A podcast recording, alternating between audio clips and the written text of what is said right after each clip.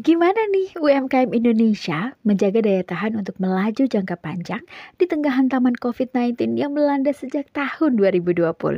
Kamu sedang mendengarkan Senior Intox.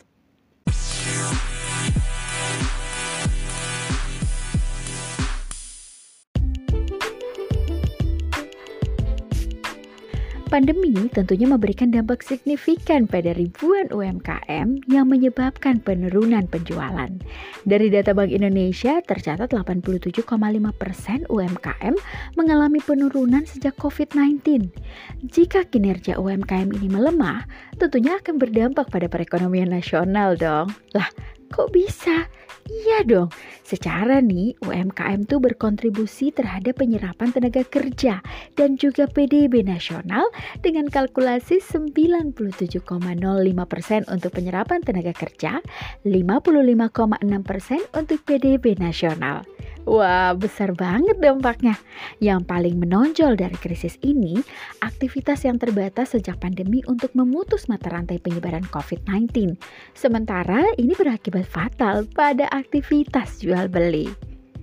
Ibarat kepala rumah tangga, UMKM ini menjadi tulang punggung perekonomian negara kita.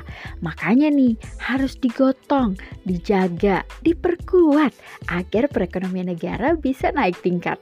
Yang paling krusial dari hal ini tentunya sektor pembiayaan.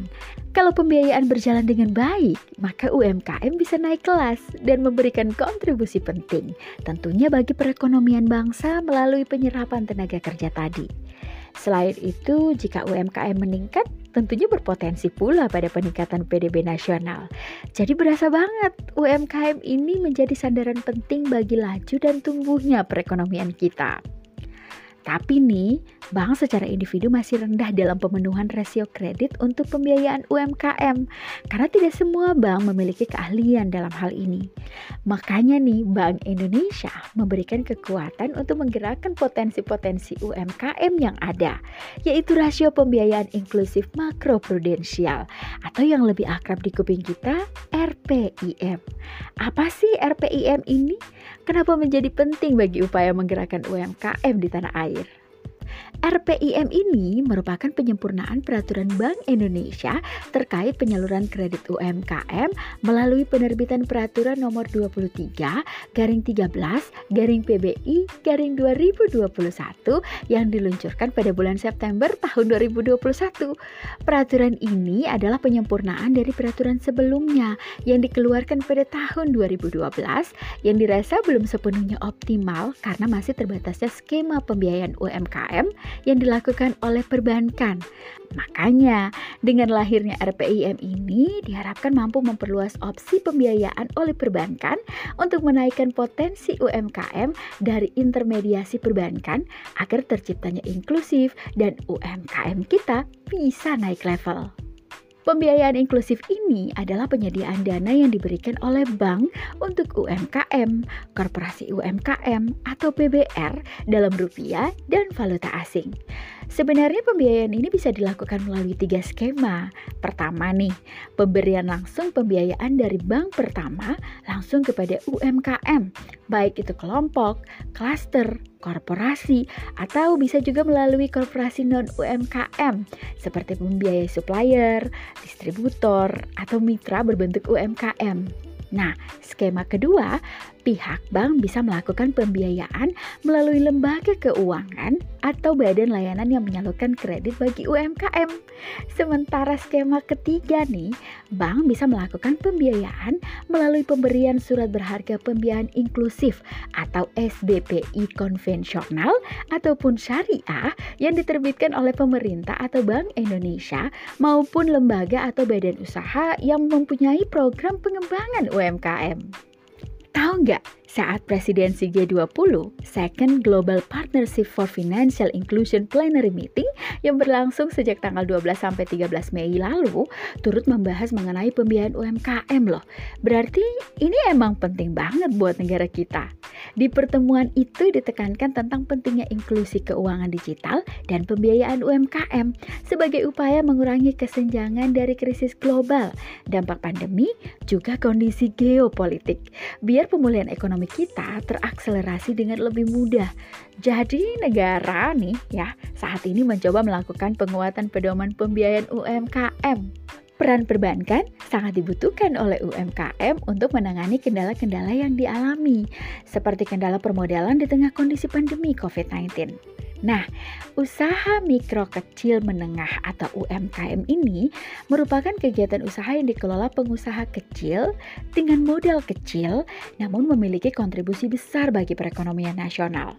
Berdasarkan Undang-Undang Nomor 20 Tahun 2008, UMKM merupakan usaha yang bertujuan untuk menumbuhkan dan mengembangkan usahanya dalam rangka membangun perekonomian nasional berlandaskan demokrasi ekonomi yang berkeadilan. Dalam prakteknya, UMKM biasa memanfaatkan segala pendukung yang bersifat lokal berupa sumber daya alam dan sumber daya manusia lokal sehingga dapat meminimalkan biaya untuk kegiatan impor dan memaksimalkan kegiatan ekspor. UMKM juga termasuk senjata ekonomi bagi negara berkembang untuk meningkatkan pendapatan negara. Seperti halnya yang tengah dilakukan oleh pemerintah Kota Palu, Sulawesi Tengah saat ini. Berdasarkan data Pemkot Palu tahun 2021, tercatat jumlah pelaku UMKM kurang lebih mencapai 12.000 dengan berbagai macam kegiatan usaha seperti kuliner, craft, ataupun fashion. Pemkot Palu memberikan skema perlindungan terhadap pelaku UMKM di Kota Palu, seperti memfasilitasi sertifikasi halal bagi produk olahan makanan dan minuman agar lebih menarik minat konsumen. Intervensi lainnya yang dilakukan oleh Pemkot Palu adalah memberikan bantuan modal usaha kepada usaha mikro sebesar 2 juta rupiah per UMKM. Bukan hanya tingkatan kota, level provinsi pun melakukan hal serupa. Pemerintah Provinsi Sulawesi Tengah memiliki keunggulan lokal atau domestik yang bisa digarap lebih maksimal oleh pelaku usaha mikro, kecil, dan menengah yang tersebar di tiga sektor, yakni perikanan, kehutanan non-kayu, dan pertanian. Nah, kembali nih kita ke RPIM. Pada Januari 2022, pemerintah melalui Bank Indonesia kembali menerbitkan peraturan baru, yaitu Peraturan Bank Indonesia Nomor 24 garing 3 garing PBI garing 2022 tentang perubahan atas Peraturan Bank Indonesia Nomor 23 garing 13 garing PBI garing 2021 tentang rasio pembiayaan inklusif makroprudensial bagi bank umum konvensional, bank umum syariah syariah dan unit usaha syariah untuk mendukung upaya bersama pemerintah mewujudkan peningkatan akses pembiayaan dan pengembangan bagi usaha mikro, kecil, dan menengah atau UMKM dan perorangan berpenghasilan rendah atau PBR. Bank Indonesia perlu mengatur rasio pembiayaan inklusif makroprudensial.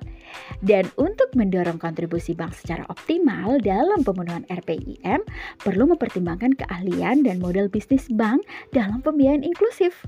RPIM merupakan rasio yang menggambarkan porsi pembiayaan. Penyediaan dana yang diberikan oleh bank, baik itu bank umum konvensional, bank umum syariah, dan unit usaha syariah untuk UMKM, korporasi UMKM, atau perorangan berpenghasilan rendah dalam rupiah dan valuta asing sesuai dengan ketentuan peraturan Bank Indonesia. Kredit perbankan selama ini banyak disalurkan ke sektor perdagangan, sekitar 50%.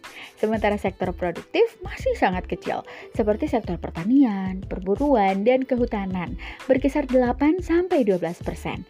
Atau sektor industri pengolahan yang rata-rata hanya berkisar 10%.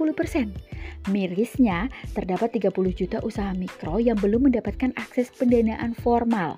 7 juta di antaranya meminjam ke kerabat, 5 juta ke rentenir, dan 18 juta sisanya belum mendapatkan pembiayaan.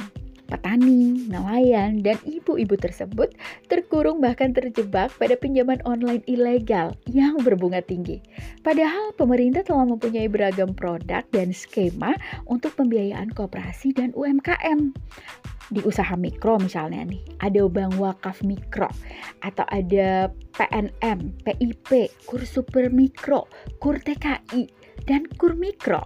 Kemudian pada usaha kecil itu menggunakan kur kecil, kur khusus, serta LPDB yang fokus kepada kooperasi konvensional dan juga syariah. Pembiayaan lain juga ada melalui pendayagunaan zakat, infak, sedekah, wakaf, dan juga yang terakhir crowdfunding. Karena dananya tersebar, tidak fokus, dan tidak terintegrasi, mengakibatkan UMKM sulit berkembang dan jalan di tempat. Hal ini terbukti loh, selama 10 tahun terakhir, postur UMKM tidak berubah dan tidak sehat karena didominasi usaha mikro yang sebesar 98%. Jika ingin ekonomi Indonesia kokoh dan tahan banting, maka usaha kecil dan menengah harus diperbanyak. Presiden pun turut memberikan arahan nih agar porsi kredit perbankan ditingkatkan dari 20% menjadi 30% pada tahun 2024. Tidak hanya itu, kur tanpa agunan yang selama ini sampai 50 juta dinaikkan sampai 100 juta, serta plafon maksimum yang sebelumnya 500 juta naik menjadi 20 miliar. Inilah babak baru politik pembiayaan yang amat progresif.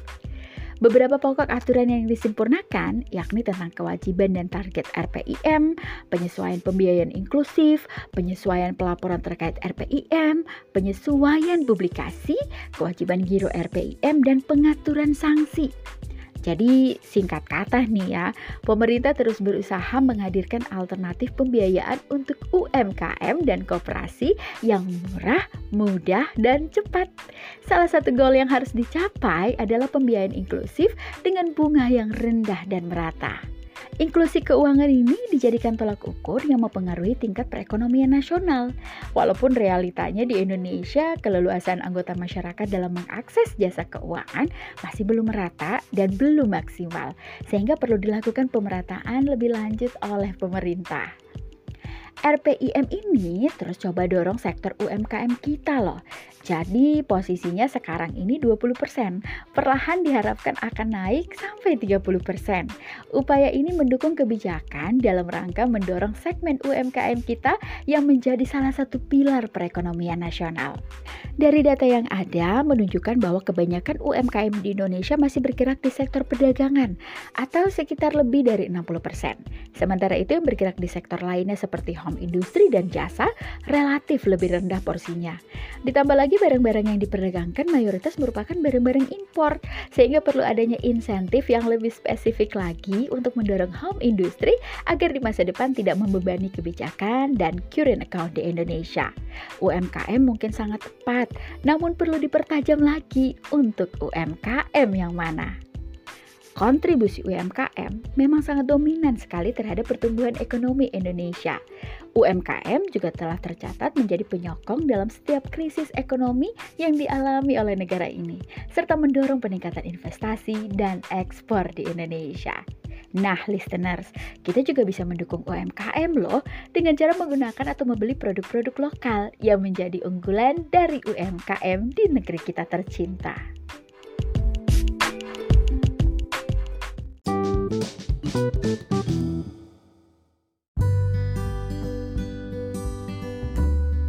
Terima kasih sudah mendengarkan Intox episode kali ini. Sampai ketemu di Intox berikutnya.